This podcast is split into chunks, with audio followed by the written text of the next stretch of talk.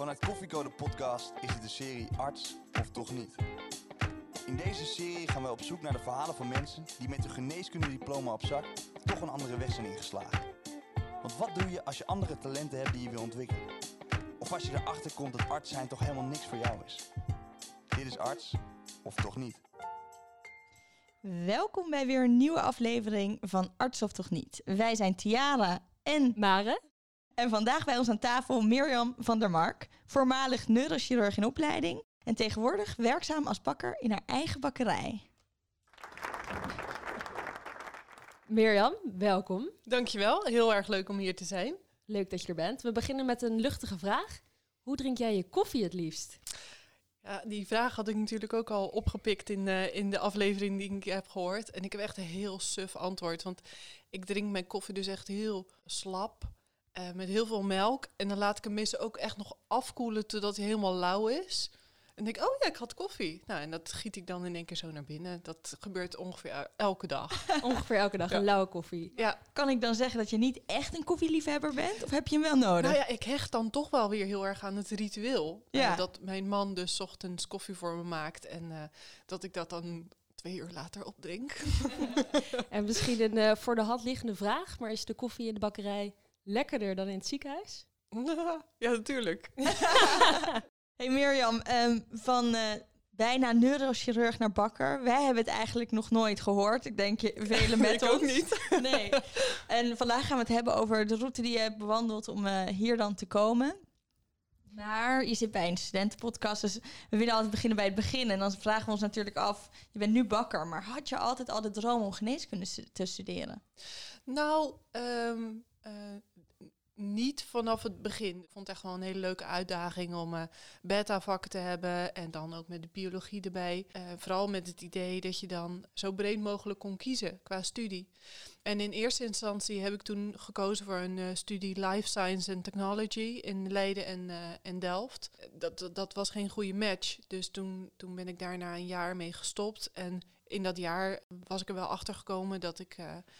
dat ik toch eigenlijk wel heel erg graag geneeskunde eh, zou willen studeren. En toen had ik het geluk dat ik eh, nou ja, ook in één keer ingelood werd daarvoor. En hoe vond je de studie geneeskunde? Eigenlijk wel een beetje suf, om heel eerlijk te zijn. Was het anders dan je had verwacht?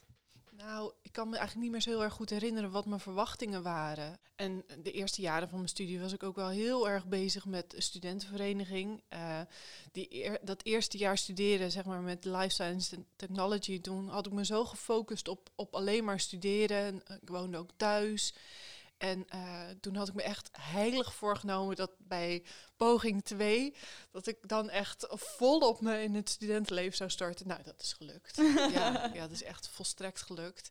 Welk vak vond je toen al wel leuk? Was dat echt de neurologie? Ja, alles wat, wat met neuro te maken had, dat, dat, dat vond ik inderdaad ook echt wel eh, heel erg tot de verbeelding spreken. En ook als je dan een college hebt met een, eh, eh, met een patiënt. Ja, dat, is, eh, dat vond ik echt wel fascinerend.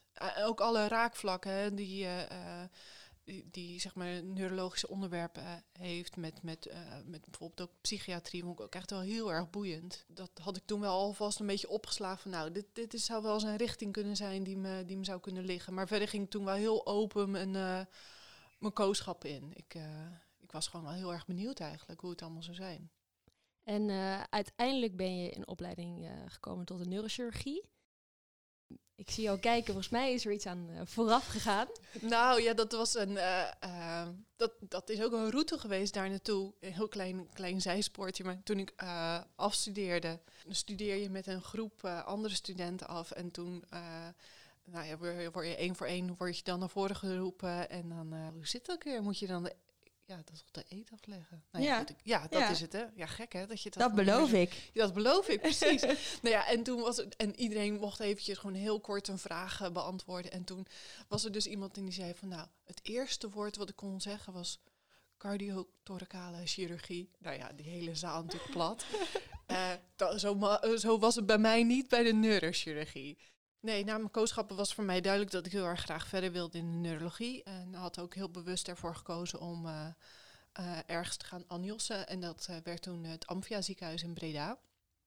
En dat was echt ontzettend leuk. Echt een, ik denk misschien wel een van mijn leukste werkervaringen Nou in, ja. in de geneeskunde als ik, als ik zo terugkijk. En wat vond je er leuk aan? Nou, ehm, ehm, het was gewoon eigenlijk heel erg afwisselend, omdat je, eh, je, ziet veel patiënten op de spoedeisende hulp. Je neemt mensen snel op, eh tromboliseren. Ehm, ehm, dus dat is een beetje zeg maar, het vasculaire gedeelte. En dan had je ook wel zo af en toe een, eh, meer een uitzoekpatiënt. Nou, dat was natuurlijk ook allemaal heel erg interessant en, en leerzaam. En het was, het was soms luchtig, het was soms zwaar.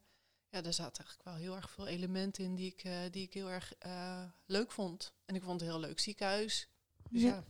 Ja, maar nu klinkt dat allemaal heel leuk, maar dat was neurologie. Ja, Niet was neurologie. Nou ja, Hoe, dus wat is toen, er eh, gebeurd? Ja, precies. Nou ja, dus ga- eh, gaandeweg dat, dat jaar dat ik dat heb gedaan, eh, kwam ik erachter van, nou, hier wil ik echt in verder. Maar in het Amphia ziekenhuis, toen der tijd, was er geen opleidingsmogelijkheid. Er waren ook geen opleidingskliniek die gerelateerd waren aan, aan een academisch centrum of aan Tilburg of iets dergelijks.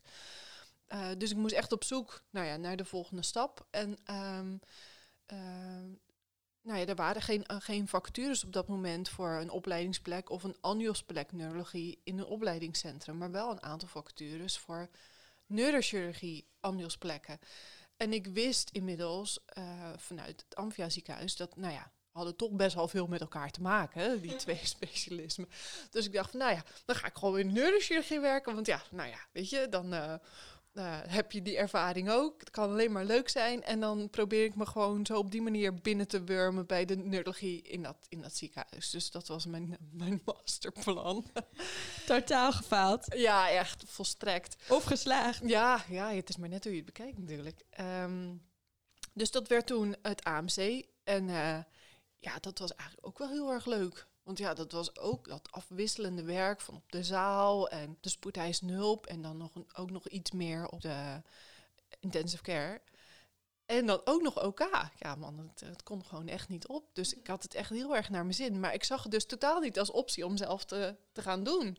Ik was daar gewoon te gast. En eh, ik, eh, ik zou me wel eh, binnenlullen bij de neurologie ter plaatse. Maar hoe, hoe vond je het om eh, in de operatiekamer dan te staan? Want bij neurologie is dat iets wat je niet doet. Nee, dat klopt.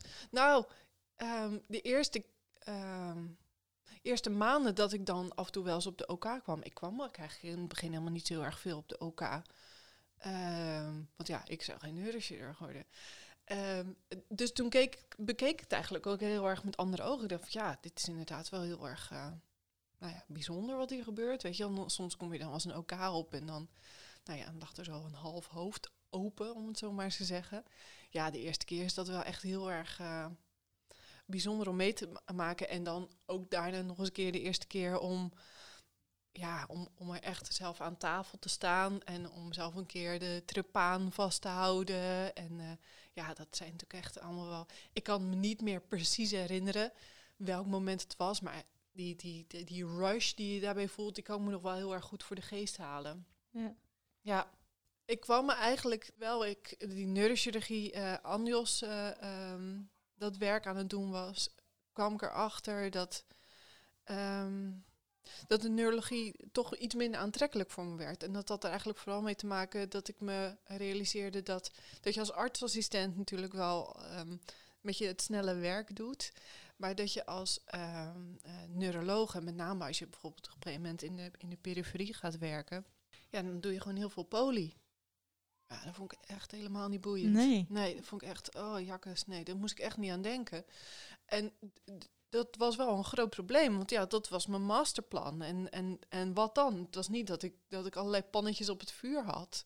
Maar je was dus ook nog niet helemaal verkocht of, eh, door de neurochirurgie. Nee, Nee. nee, nee, ik zag het echt helemaal niet als een optie. Ja, dit- ik kan me nu ook gewoon bijna niet meer voorstellen dat ik daar ook gewoon echt met op die manier daar heb rondgelopen. Ik denk dat ze het ook echt hilarisch vonden. En wanneer kwam dat punt dan wel? Nou, dat kwam eigenlijk toen ik eh, aan het twijfelen eh, was geslagen over neurologie. En toen heel erg aan het eh, nadenken was over radiologie. En dan met name interventieradiologie. Gewoon, lijkt me gewoon geweldig, want dan heb je nog steeds een beetje dat snelle, hè? een beetje die, die tijdsdruk. Daar doe ik het altijd wel lekker op. Dus eh, ehm, nou ja, dan, eh, dat zou het dan maar moeten worden. En ja, daar, daar was ik zo een beetje mee, mee, mee bezig. En op, op een gegeven moment zei toen een van de stafleden van de neurochirurgie van, heb je nou wel überhaupt wel eens nagedacht over neurochirurgie? Want eh, wij zien het op zich wel in je, dat je dat zou kunnen. En waarom? Gaven ze dat ook aan? Nou, ik denk dat het ermee te maken had dat ik eh, een zelfverzekerde arts was die goed eh, zelfstandig kon, eh, kon functioneren, die ook in staat was om, om zeg maar in de snelheid van het moment goede beslissingen te nemen. Dat is echt een heel belangrijk onderdeel van het vak. En, en ook betrouwbaar was en ook nog een eigen persoonlijkheid eh, meenam. Ik denk dat ze dat. Kijk, ik heb het ze nooit achteraf gevraagd, maar ik, ik vermoed dat het daar veel mee te maken had.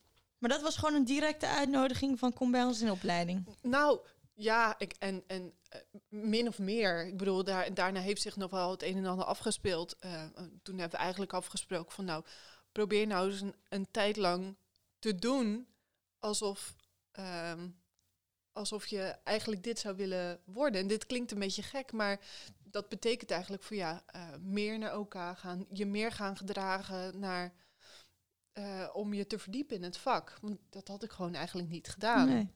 Dus eh, die skills die ik net omnoemde, ehm, eh, die ik bezat, ja, dat- dat was wel duidelijk. Maar ik had me nog nooit zo heel erg veel op elkaar vertoond. Dus ja, en dat is natuurlijk ook wel belangrijk.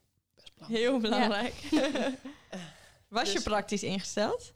Ja, maar veel minder dan, dan eh, nou, heel veel andere chirurgen die ik ken. Ik bedoel, ik was het zeker niet niet, maar ik was het ook niet enorm wel. Uiteindelijk dus begonnen met de opleiding. Ja, ja. Hoe, hoe vond je het?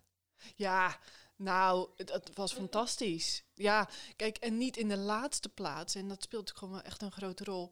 Er is dan aan een lange tijd van onzekerheid is dan een einde gekomen. Ja. Ja, dat, is- dat, dat is zo'n opluchting. Dat is echt een, eh, daar kan je wel een tijdje op teren. Ik vind nou echt kat in bakken, jongens. En merkte je dat ook toen pas? Dat er zo lang eigenlijk een stress Ja. was voor jou om een keuze te maken? Ja. Of merkte je dat tijdens het proces al? Nou, ik- tijdens het proces had ik er ook wel last van. Maar eh, die ontlading, wanneer het dan nou ja, geregeld is, Ja, ik denk al meteen, het is een su super mooi verhaal. Het is gelukt. Je hebt je roeping gevonden. Eh, neurochirurgie, de tijd van je leven. Ja, En toen, wat gebeurde er toen? Want we weten allemaal dat jij bakker bent geworden. ja, ja, we weten hoe het verhaal eh, eindigt, althans waar we nu staan. Nou, ehm, bij zo'n eh, specialistische opleiding, eh, daar zit natuurlijk eigenlijk ook gewoon een curriculum aan vast. En met name in het begin zijn er gewoon allemaal stapjes die je moet afvinken. Dus je hebt dan eerst, tenminste voor die tijd, hè, gewoon een jaar neurochirurgie op je eigen afdeling. En daarna beginnen er een aantal stages. En eh, in het begin ja, verschilde er nog niet zo heel erg veel van, van mijn Anjos-tijd daarvoor. Alleen ik werd veel vaker op OK ingedeeld. En je krijgt je eigen poli. En eh, het was één dagdeel per week, dus dat was alleszins te overzien. Ehm, dus ja, dan, dan zit je gewoon een beetje in een, in een trein. Hè? En dan, dan, dan doe je al die dingen en dan gaat het goed. Ja. Ehm, en ik denk dat vanaf het moment dat ik eh, na mijn stages terugkwam, dus eh, dat was eigenlijk eh, ja, vanaf mijn derde jaar, dat ik toen steeds meer begon te merken van ja, het eigenlijk het verschil begon te zien tussen mijzelf en, en andere collega's. En met name in, in het toewijding en passie voor het vak. En ik heb dat eigenlijk vrij lang nog een soort van een plek kunnen geven of weg kunnen lachen. Zo van, ja, ik eh, kan het allemaal wat beter relativeren. En eh, ik merkte ook dat als ik zeg maar op een relativerende manier sprak over het vak, dat, dat mensen dat ook verfrissend vonden. Zeg maar, ja, nee, het is inderdaad niet, eh, het is niet je hele wereld, hè, neurochirurgie. Maar het is wel een stuk makkelijker om te doen als het wel je hele wereld is. Ja, want hoe was dat voor jou? Als we de verhalen moeten horen, is de opleiding neurochirurgie heel pittig. Vraagt heel veel motivatie van je. Hoe, hoe was dat voor jou als je niet die 100% motivatie voelde? Nou, dat gaat tegen je werken op allerlei verschillende manieren. En onder andere dat operaties zijn eigenlijk best wel schaars. Ehm, op de afdeling waar ik eh, het meest heb gewerkt, in het AMC in, in Amsterdam. ja, er werd soms gewoon niet zo heel erg veel geopereerd. Maar je moest wel aan je vlieguren komen. En dan helpt het natuurlijk wel een beetje als je zo gemotiveerd bent, dat je jezelf een beetje tussen probeert te wurmen. Ja, dat is iets wat ik echt totaal niet deed. Want ik stond er zo ver eh, boven of vanaf, het is maar net hoe je het bekijkt, dat ik dacht van ja, die mevrouw hè, met, die, eh, ehm, met dat meningioom, ja, moet ik daar nou echt zeg maar mijn skills op gaan oefenen? Die mevrouw die is eigenlijk bij gebaat door, door de beste chirurg geopereerd te worden. En nou, hopelijk mag ik dan ook wat doen. En nu chargeer ik het een beetje, maar dat is, dat is een beetje eh, waar het op neerkwam. Ehm, die, eh, dat gebrek aan toewijding en passie uitte zich op allerlei manieren. Eh, maar het is, wel, het is wel hard werken. Het zijn lange dagen, veel administratie, veel diensten. En dat gaat allemaal natuurlijk net even wat makkelijker als je helemaal, helemaal crazy van bent. Ja. Maar hoe lang heb je dan met dat gevoel gezeten? Ja, veel te lang. Wat, is, wat is Veel lang? te lang. Ik denk jaren. Ja, ik denk jaren. En was er toen opeens een moment een- dat de knop omging? Ja, ja, ja, dat was ook echt heel acuut. En ehm, kijk, achteraf gezien kan ik natuurlijk eigenlijk wel heel erg goed ja, terugzien dat het helemaal niet goed ging. Ik was, ik was mezelf echt door die opleiding heen aan het sleuren. En eh, ik probeerde ook wanhopig ehm, een soort route voor mezelf uit te stippelen. eh, voor als ik klaar zou zijn. Want ik wist, nou ja, dat als ik klaar zou zijn, zou ik heel erg graag in een perifeer centrum willen werken. En ja, veel, zeg maar, spinale chirurgie willen doen. Dus ik had mijn, zeg maar, naar het einde van mijn opleiding toe, had ik het ook eh, geprobeerd om zo uit te stippelen. Dat ik ook heel veel, zeg maar, spinale stages had. En ook een extra lange spinale stage. Dus dat is dan met name natuurlijk het eh, opereren van eh, patiënten met hernia's en stenoses. Maar dat, dat kwam echt heel slecht van de grond. Dat, ik, ik zat heel erg veel op de poli. Net wat je niet ik was gewoon de hele tijd, eh, zeg maar, allemaal patiënten aan het managen. En, en het opereren ging echt niet lekker. Ik, ik, ehm,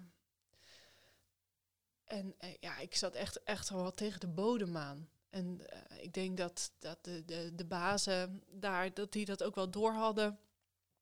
Maar ik denk dat die het meer hebben beschouwd als nou ja, een soort van fase waar je doorheen moet. Het is op zich namelijk niet ongebruikelijk dat je, nou, dat je het even zwaar hebt in je laatste jaar. Ehm, en en daar, daar schreef ik het eigenlijk zelf ook allemaal aan toe. En wat toen gebeurde was dat ehm, eh, ik had vrij met de feestdagen. Dus eh, ik had gewoon een week vrij met kerst en ehm, oud en nieuw. En ik zou op 2 januari zou ik weer gewoon starten. En ehm, ik, kan me, ik kan me gewoon zo goed herinneren eh, van de nacht van 1 op 2 januari. En ik kon niet slapen. En opeens toen, nou ja, het was een soort openbaring. Ja, het, kan gewoon niet meer. Ik kan gewoon niet, ik kan dit gewoon niet meer doen. Wauw. Ja, Maar was er niks aan vooraf gegaan? Een gesprek van nieuwsjaarsvoornemens of iets in die richting? Nee. Opeens? En eh, toen maakte ik eh, Martijn, mijn man, wakker. En ik zei van ja, het gaat gewoon niet meer. En hij zei, nou, dat snap ik wel. Of iets in die trant, weet je wel. Dus, eh, nou ja, en toen ben ik dus de volgende dag wel gewoon naar, naar mijn werk toe gegaan. Maar toen heb ik het echt direct gezegd tegen de, tegen de eerste loslopende baas die ik daar zag. En dat was gelukkig ook wel iemand met wie ik een goede klik had. Zeker over dat soort onderwerpen. En toen, eh, toen ben ik weggegaan en ben nooit meer teruggegaan. Wauw. Dus je hebt het gewoon gelijk gezegd toen jij voor jezelf eigenlijk besluit hebt gemaakt. En hoe voelde het daarna? Alsof ik eigenlijk wel een beetje moest blijven rennen. Want anders zouden ze me weer terugpakken. Zo voelde het. Ja. Ja, en, en ehm, dus echt alsof je was ontsnapt uit een gevangenis. Zo, Zo erg? voelde het, Zo ja. erg? Ja, Ik kan me daar niks bij voorstellen. Want nee. ik weet, als je dan net zo vertelt, dan zie ik je ook wel stralen over Ja. de eerste jaren. ja. En dan opeens gaat het niet meer. En Nou ja, dat was natuurlijk niet opeens eh, dat het niet meer ging. Maar het was wel opeens dat ik het me realiseerde. Dat ik gewoon niet zo verder kon blijven gaan. Dat ik echt, ik zat echt op een doodspoor in mijn leven. En ehm, kijk, in die maanden daar vooraf gaan, toen merkte ik echt wel dat het slecht ging. Maar ik had gewoon nog steeds niet door dat, dat het eigenlijk door mijn werk kwam. Ik stond eigenlijk op het punt om eens een afspraak te maken met mijn huisarts om er eigenlijk voor een verwijzing naar een psychiater of een therapeut. Want ik dacht eigenlijk dat ik depressief aan het worden was. Ehm, maar ik wist eigenlijk ook wel dat dat niet zo was. Want eigenlijk had ik gewoon een heel erg leuk leven. Weet je wel?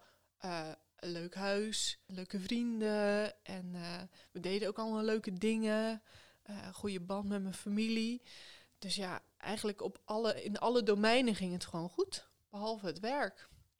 En je vertelde ook dat je eigenlijk tijdens je opleiding jezelf steeds meer op de achtergrond hebt gezet. Is er iets waar je nog spijt van hebt dat je denkt, ik had het anders willen doen? Ja, ik denk dat dit verhaal ook echt wel anders had kunnen aflopen hoor. Hoe bedoel je dat? Dat je toch door was gegaan? Nee, dat als ik dit probleem eerder onder ogen had gezien van wat het was en het niet zo had gebagatelliseerd. Heel lang dacht ik van ja, ja, het is gewoon een beetje kut, weet je wel? Werken. Het is gewoon een beetje. Maar dat heeft iedereen. Ja. En uh, hierna wordt het leuk. Ja, dat was ook echt wel een soort mantra. Hè? Van het is gewoon nu even een beetje doorbijten, maar hierna wordt het leuk. Ja, dat hierna, dat kwam dus echt fucking nooit. nee. nee.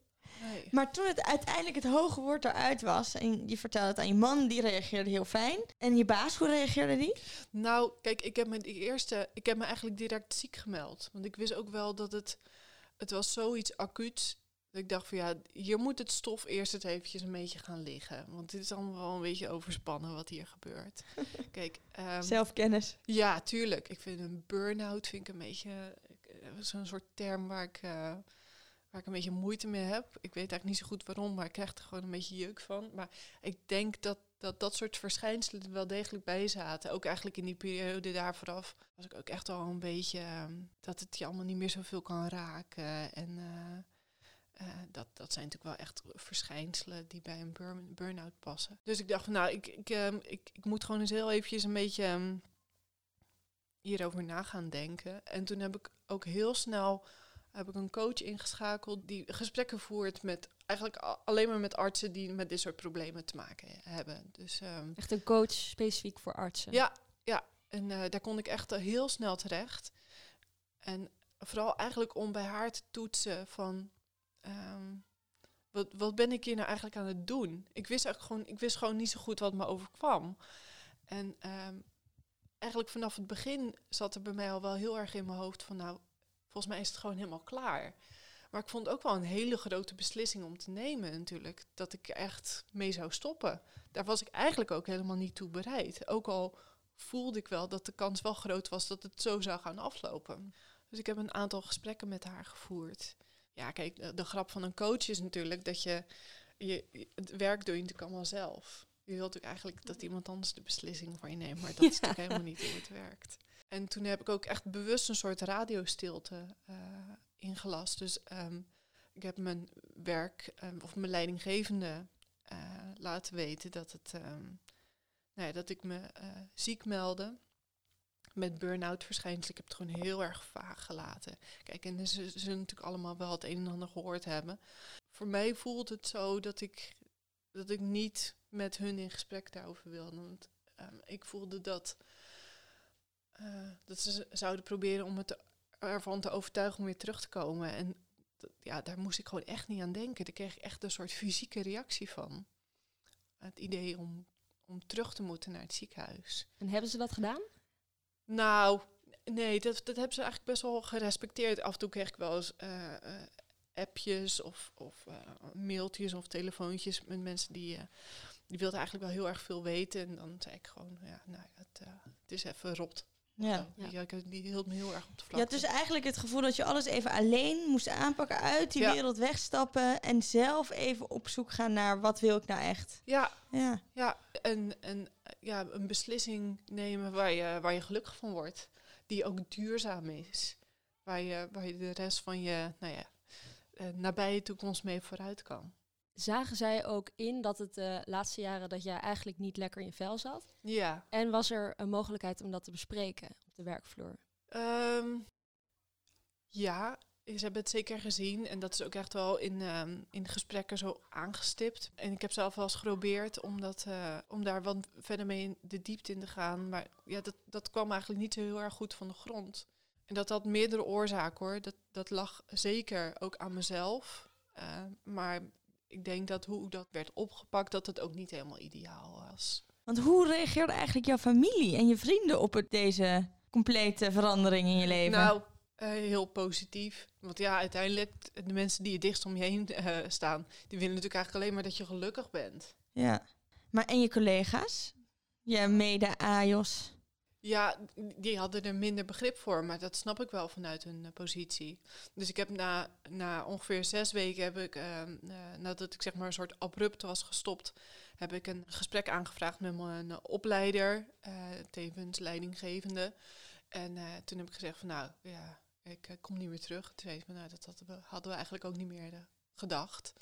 En toen heb ik er ook een, een, een, mail zeg maar, gestuurd naar mijn collega's en ik, ik, kreeg wel een aantal reacties terug dat, nou ja, dat, dat, dat ze graag voor me zouden willen dat ik het op zijn minst afmaakte. En dat is natuurlijk op zich geen, geen onterechte vraag. Ja, want je was er bijna. Ja, ik was er bijna, ja. Hoe lang nog? Nou, officieel nog uh, drie maanden. En het was voor jou absoluut geen optie om die drie maanden af te doen? Nee, en uh, dat had ermee te maken, ik moest er gewoon echt niet aan denken om nog langer in het ziekenhuis te zijn. Maar wat ook meespeelde was dat ik dacht van ja, als ik, als ik het afmaak, als ik, oh nou ja, als ik mijn papiertje binnenhaal, dan ga ik het echt, dan ga ik het gewoon doen. En ik weet, ik weet dat ik er niet gelukkig van word. Het was eigenlijk ook een soort uh, zelfbescherming. Op tijd aan de noodrem getrokken. Ja, ja. Ja, mezelf niet meer in die positie brengen dat, dat, nou ja, dat ik over mijn grens heen ga. Want daar heeft het natuurlijk eigenlijk het meeste mee te maken. Ja, zeker. Je, je, kan zeggen, het was nog maar drie maanden. Maar eigenlijk als het zes maanden daarvoor was geweest... of een jaar daarvoor, had het ook hetzelfde uit kunnen pakken. Ja. Want wat ik, wat ik me aan denk, je, je stopt met een eigenlijk een glansrijke carrière in het vooruitzicht. Neurochirurg, hoog aanzien en ja, je verdient goed. En dan stop je en heb je eigenlijk best wel financiële onzekerheid. Was dat nog een van de dingen die in je hoofd speelden? Ja, dat is natuurlijk echt een hele goede vraag. En daar heb ik ook uh, heel veel over na zitten denken. Uh, dat was in mijn geval was dat geen issue. Uh, en dat komt omdat ik getrouwd ben met een man met een goede baan. ja, zo banaal is het eigenlijk dan ook alweer. Ik heb daar veel over na zitten denken. Of dat mijn beslissing beïnvloed zou hebben. En ik durf echt niet te zeggen dat dat nou ja, dat het hetzelfde gegaan zou zijn. Um, maar goed, ik kan alleen maar spreken voor, over de situatie zoals die is gegaan. Maar ik ben me ervan bewust uh, dat, ik, dat, dat het zo kon gaan. En daar ben ik heel erg blij mee. Dat, ja. dat, we, dat we zeg maar die financiële uh, onbezorgdheid hadden. Nee, nee, dat is ook echt. Oh, dat is echt verschrikkelijk. Want ja, uh, het is natuurlijk ook gewoon heel erg fijn om om gewoon je plek te hebben. Niet zozeer die plek, maar gewoon dat je weet wat je, nou ja, wat je aan het doen bent en waarvoor je aan het doen bent. Zekerheid. En, ja, het is net alsof je uit de boot wordt gegooid. Um, maar goed, dan wel in het geneeskunde meer in dit geval. uh, dus het was voor mij, hield denk ik toen al wel rekening mee dat, dat ik mogelijk ook wel echt helemaal uit het doktersvak zou stappen. Maar dat vond ik toen echt, echt nog veel te ver gaan, die beslissing. Dus ik heb eerst een aantal maanden niks uh, gedaan. Nou, dat was de eerste week echt extreem moeilijk. Ik maakte dus ook dagindelingen voor mezelf. Oké, okay, dus dan opstaan en dan overdracht. ja, echt hoor. Oh, het was echt, vond het echt heel moeilijk. Ik voelde me ook heel schuldig. En schuldig naar wie toe? Ja, naar gewoon de hele wereld. ja, nee, ja, dat is wel een hele goede vraag hoor. Um, maar dat heeft niet een heel specifiek antwoord. Naar, naar de maatschappij, naar mezelf, naar mijn ouders, naar mijn man, um, naar mijn oud-collega's. Dat je niet voldeed aan de verwachtingen? Ja. Bedoel je? Ja. Ja, ja. ja. en dat ik ook niet aan het werk was. Ook gewoon heel banaal. Van ja, ik ben lui. Dus ja, dat, oef, dat is echt al uh, dat is heel, heel lastig eigenlijk in het begin. Omdat ik natuurlijk eigenlijk ook een soort rouwproces had. Ja, ik had opeens zomaar afscheid genomen van een geweldig carrièreperspectief. Wat ik me afvroeg, want de neurochirurgie is een heel gewild specialisme. Heel veel mensen zouden dat willen. Jij was er en je stopte. Heb je hier negatieve reacties over ontvangen? Uh, nee, dat is niet zo tegen me uitgesproken. Um, maar ik kan me, kan me goed voorstellen dat, dat er mensen zijn geweest die dat misschien wel hebben gedacht. En die het misschien ook wel tegen elkaar hebben uitgesproken. En ik voel, ik, daar voelde ik me ook zeker wel schuldig over. Dat je inderdaad eh, nou ja, een hele gewilde plek hebt ingenomen en die uh, nou ja, hebt weggegooid. Voelt het voor jou als weggegooid? Nee, nee hoor. Net helemaal niks is weggegooid hiervan. Kijk, uh, ik had mezelf graag dit bespaard om, het, om dit pad zo te bewandelen. Want het was wel een beetje gedoe, uh, om het zo maar eens te zeggen. Maar nee, niks is weggegooid. Ik wil elke, elke ervaring die ik, die ik in die tijd heb gehad, die neem ik mee de rest van mijn leven. En, en het is ook echt wel heel erg leuk geweest. Ik, wil, ik heb echt heel veel lol gehad met mijn collega's. Ik heb hele gave dingen gezien en gedaan. En, en uh, echt enorm hoge adrenaline spiegels gehad van, van, van de spanning. En ja, ook gewoon, ja, het is gewoon echt heel opwindend af en toe. Dus nee, dat, uh, het is geweldig geweest, zeker. Ja, en dan zit je thuis. Dan heb je ja. je dagplanning ja. voor je neus. En wanneer komt dat besefmoment van ik wil bakker worden? Of bakte je al veel thuis? Nou, ik was altijd wel gewoon uh, veel met, met eten bezig. Um, en ik kom ook echt wel uit een uh, gezin waar alles uh, from scratch wordt, wordt gemaakt. dus ik ging als kind ook altijd op zaterdag met mijn vader naar de markt. En dus eten is wel echt een, een belangrijk onderwerp uit het, in het gezin waar ik uit kom. Dus um, voor mij was het ook echt wel een ontspanning om, uh, om te koken en om te bakken. En um, nou ja, ik, ik heb dan eerst nog een tijdje gewerkt in de, de oudere geneeskunde. Als een soort van om af te kicken van, okay. van de dokteren. Nou, dat was geen match. dus toen ben ik daarmee gestopt. En ik moet zeggen dat die periode, dus zeg maar het stoppen met oudere geneeskunde, wat ik ongeveer 9 à 10 maanden heb gedaan. En beginnen met de bakkerij, die vond ik eigenlijk het zwaarst. Omdat ik toen echt eigenlijk wel wist van, nou, ik ga niet meer verder dokteren. Maar wat nu? En uh, toen ook weer een coach in de arm uh, genomen, die zeg maar meer op loopbaan uh, gericht. En ja, dat, dat hielp me echt totaal niet. Want wat ik net natuurlijk voor de grap zei, van ja, je moet eigenlijk, je krijgt een soort begeleiding bij het nadenken over een beslissing die je zelf moet nemen ja, dat vond ik toen echt heel moeilijk. Want ja, dat, ik, ik, uh, ik, ik, was echt aan het dobberen van mijn gevoel. Maar, maar waarom had je toen opeens dat je het, het dokterschap geheel uh, opzij wilde zetten? Ja, nou kijk, wat ik, waar ik het net niet heel erg over heb gehad, maar uh, wat, wat bij mij ook heel erg een rol speelde, was dat ik het werken in een ziekenhuis of in een dergelijke organisatie heb ik echt ervaren als een echt enorme ergernis en een enorme last. Uh, ja, daar werd ik echt, echt heel erg ongelukkig van. Um, echt zo'n uh, gebrek aan autonomie. Uh, dat, dat, ja, dat vond ik echt, echt heel erg naar. Um, dus voor mij was het toen ook echt wel duidelijk dat ik zeker niet meer in, terug wilde keren in het ziekenhuis. Um, en toen dacht ik van, nou ja, een ander soort organisatie. Waarbij ze een. dus inhoudelijk vond ik bijvoorbeeld oudere geneeskunde eigenlijk best wel, best wel boeiend. In tegenstelling tot de verwachtingen die ik ervan had. Ik vond eigenlijk best wel heel erg leuk. Maar zo, dan kom je in een organisatie terecht met, met managers. Nou, ik, ik werd echt helemaal gek. Klaar met de zorg. En hoe kwam toen het idee om een eigen bakkerij te beginnen? Nou, um, ik begon steeds meer na te denken van ja, stel je voor dat je nou gewoon niet zou kunnen kiezen wat, wat je leuk vindt. Dus op basis van dit lijkt me echt heel erg leuk om te doen, zeg maar. Zo stel je voor dat je dat, dit nou voor de rest van je leven kan doen. Ja, zo had ik gewoon eigenlijk nog nooit eerder nagedacht.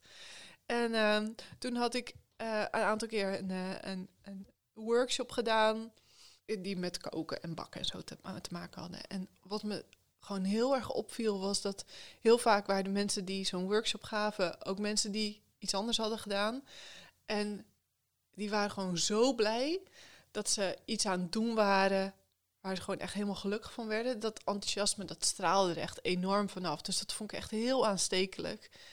En het begon steeds meer te leven in, in, mijn hoofd. Van nou, ik, wat als ik het nou gewoon doe, weet je wel? En, uh, en, en toen veranderde het een beetje van, nou, ik wil het op zijn minst geprobeerd hebben. Gewoon om te zien hoe het is. Nou, ja, toen, toen gebeurde dat. Naar de Kamer van Koophandel. En Ja, ja, inschrijven inderdaad. En eh, toen had ik via via had ik een, een, eh, een eerste, zeg maar, horeca-opdracht. Dus toen leverde ik een soort eh, gebak aan een, aan een koffietentje. En nou, dat, ja, dat, dat, dat, dat wilden ze graag. En daar wilden ze ook voor betalen. Nou, ik vond het echt hilarisch. Maar ik dacht, nou ja, nu ga ik nu op zoek ga ik na- naar een grotere ruimte. Want ja, wij wonen niet zo heel erg groot. We hebben echt een heel klein keukentje. Eh, en toen de tijd hadden we ook nog drie katten. Dus het was gewoon van, waar zet ik alles neer? En hoe zorg ik ervoor dat er geen kattenhaar opkomt? Dat was gewoon, zeg maar, Dat was de grootste ja, uitdaging. de grootste Ja, uitdaging. anders dan op elkaar, ja. Ja. En eh, dus toen ging ik op zoek naar een, eh, nou ja, een- eigenlijk een, een werkruimte om, om een bakkerij zo langzamerhand op te starten. En ja, dat is wel grappig hoe dat werkt. Want ja, dan heb je gewoon besloten dat je dat gaat doen. En dan zet je ook al die stappen om dat te gaan doen. En dan doe je het ook gewoon, ja. Ja, want je, je bent geen ondernemer. Je, hebt met dat niet, je was geen ondernemer. Nee, ja, nu wel inderdaad. hoe, ja. hoe wist ja. je wat je allemaal moest doen? Ja, Waar begin je? Ja, nou ja, je vraagt eens wat en eh, je kijkt eens eh, naar hoe anderen het doen. En de grap met broodbakken is dus dat in zekere zin, zeg maar op de schaal waar ik het op doe, zit er niet zo heel erg veel verschil tussen thuisbakken of, of in mijn bakkerij bakken. Het is alleen gewoon ja, keer honderd. Ehm, dus het is niet dat je jezelf nou opeens hele andere skills hoeft aan te leren. Je moet alleen weten op te schalen en eh, een beetje doorwerken. Maar dat kan ik wel. Dus eh, ja, en dan toen had ik me op een gegeven moment. eh, Dus ik had een ruimte gevonden. En, ehm, en in eerste instantie was eigenlijk mijn, mijn idee dat ik eh, aan horeca zou gaan leveren. En dat ik dat zo langzamerhand. Dat ik het zo uit zou bouwen. Want ja, ik vond het echt wel heel erg spannend allemaal. Ik dacht van nou, weet je, dan ga ik aan één, ga ik aan dat tentje, dan lever ik gebak. En dan, nou, dan komt er vast nog wel iets anders bij. En dan zo langzamerhand, dan nou, zal het wel, zal het wel eh, zich uitbreiden. Maar ja, toen ging natuurlijk de horeca dicht vorig jaar. Ehm, of goed en wel dat ik in die ruimte kon, eh, kon starten. Eh, had ik eigenlijk die horeca-opdrachten die ik had op dit moment, ja, die was ik toen ook kwijt. Dus dat Ja. eh, was ook wel even lastig. En, maar toen heb ik een A4'tje op, de, op het raam geplakt van eh, vanaf zaterdag 18 april kan je hier brood kopen. En in het begin waren er natuurlijk heel erg veel vrienden en familie. Ik bedoel, dat is natuurlijk gewoon zo. Ja, Maar tuurlijk. gaandeweg eh, ja, heb ik een hele klandizie opgebouwd. En het gaat goed nu.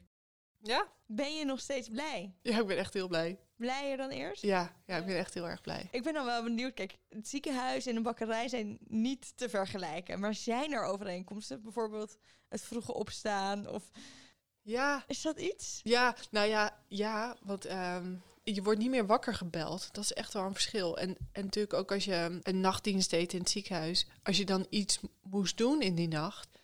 Ja, dan was het altijd natuurlijk iets ernstigs. En nu, ja, nu ben ik s'nachts bezig gewoon zodat ik 's ochtends dingen kan gaan verkopen. Dus er zit echt een hele andere lading aan. Eh, maar ja, s'nachts werken gaat me echt wel prima af. Daar had ik eigenlijk nooit heel erg veel, eh, veel moeite mee. Want ik sta op zaterdag sta ik om twee uur s'nachts op.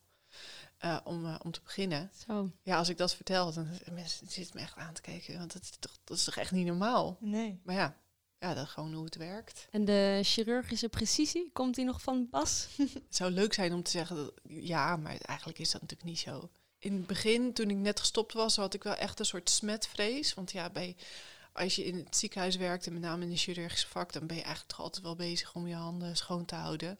En dat is gelukkig nu wel een beetje, een beetje verdwenen. Ja, ik werk wel heel erg veel met mijn handen, maar het is, het is natuurlijk echt een heel, heel ander soort werk. En eh eh, ander soort precisie eh, die ervoor vereist is.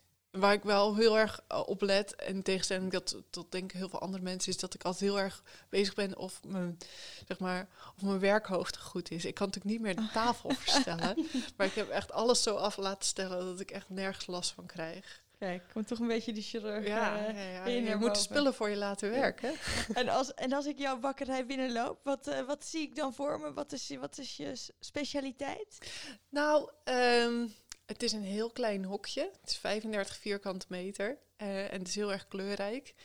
Ehm, brood en koekjes.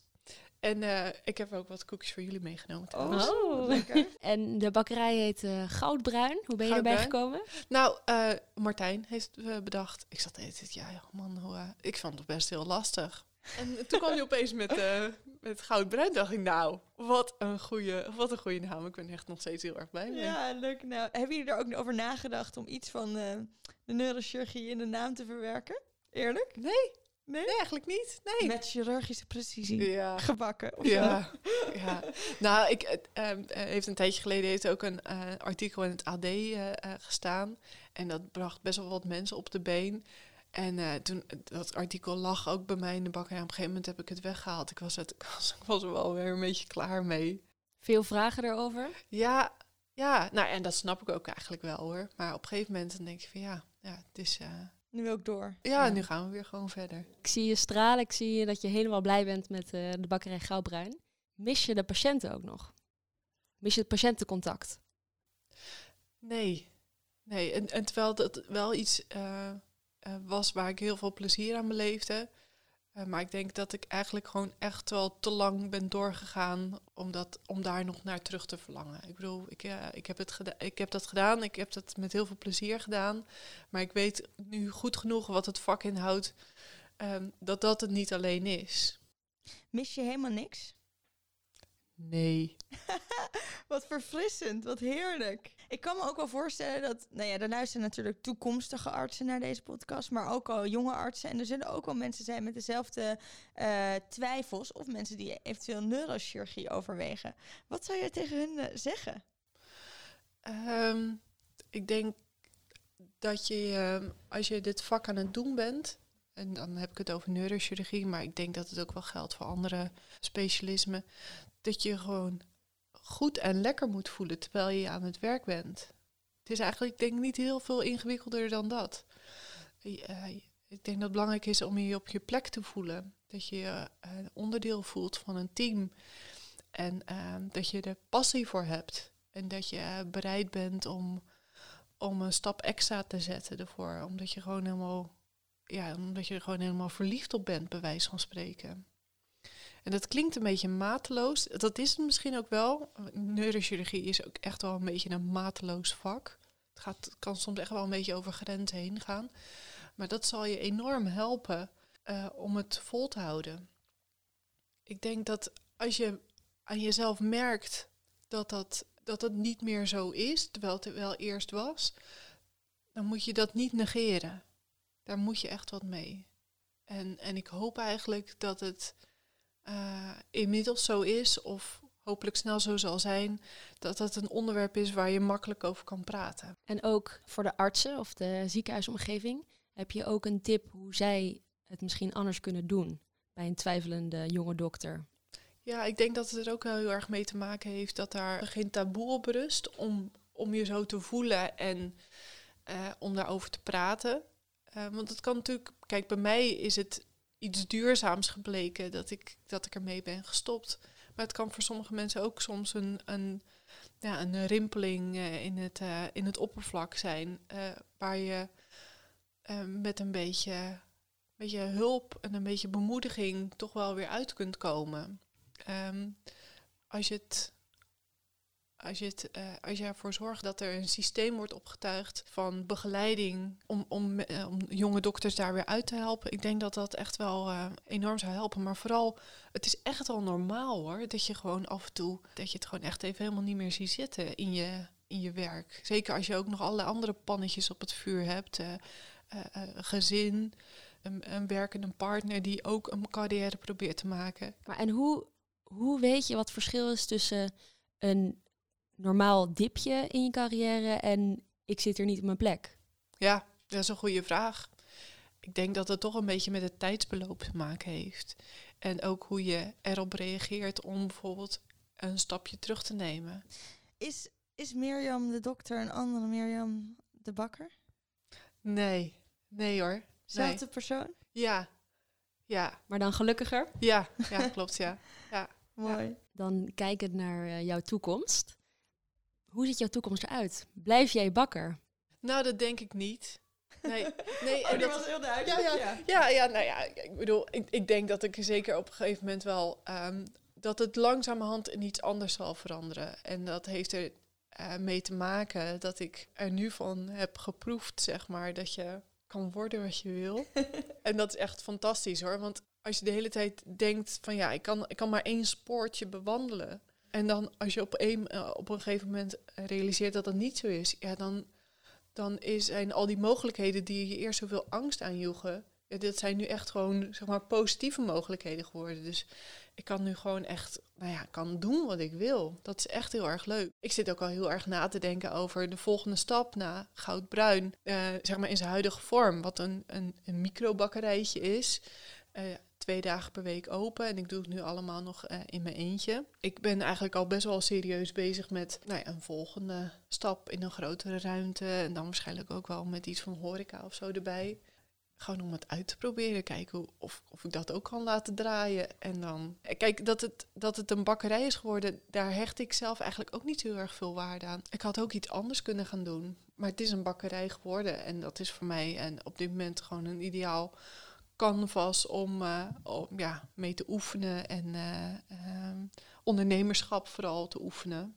En ik had vandaag een eerste gesprek met mijn boekhouder en die was echt heel tevreden. Dus ja, man, ik ben ook echt heel erg blij. Ah. Nou, dan uh, gaan we toch uh, het einde naderen van het interview. Maar niet voor de tip van de gast. Heb jij een tip voor de jonge dokters? Ja, ik denk dat ik dan toch weer terugkom op het uh, P-woord, passie.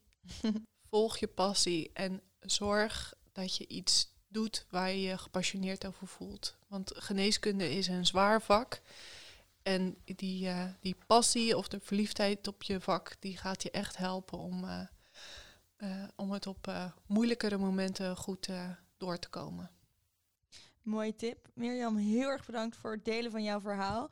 Je hebt echt alles, je hebt jezelf helemaal blootgegeven. En ik denk dat het ons allemaal heel erg helpt om zo'n verfrissend en eerlijk verhaal te horen. Dus dank je wel. En heel veel plezier met het uh, verder bakken. Wij komen graag langs en gaan zo genieten van uh, de heerlijke koekjes. Nou, heel graag Zeker. gedaan. Ik vond het heel erg leuk om hier te zijn. En uh, het is nu een aantal jaar geleden. En het, zo'n gesprek waarin je het eigenlijk allemaal nog eens een keer zeg maar, op een rij zet. Dat heeft voor mij ook echt wel een functie. Ik bedoel, therapie is een groot woord, maar het is wel een beetje therapie. En dat is goed. Dan de allerlaatste vraag van het interview. Mirjam, arts of toch niet? Niet meer. Duidelijk. Mirjam, hartstikke bedankt. Graag gedaan.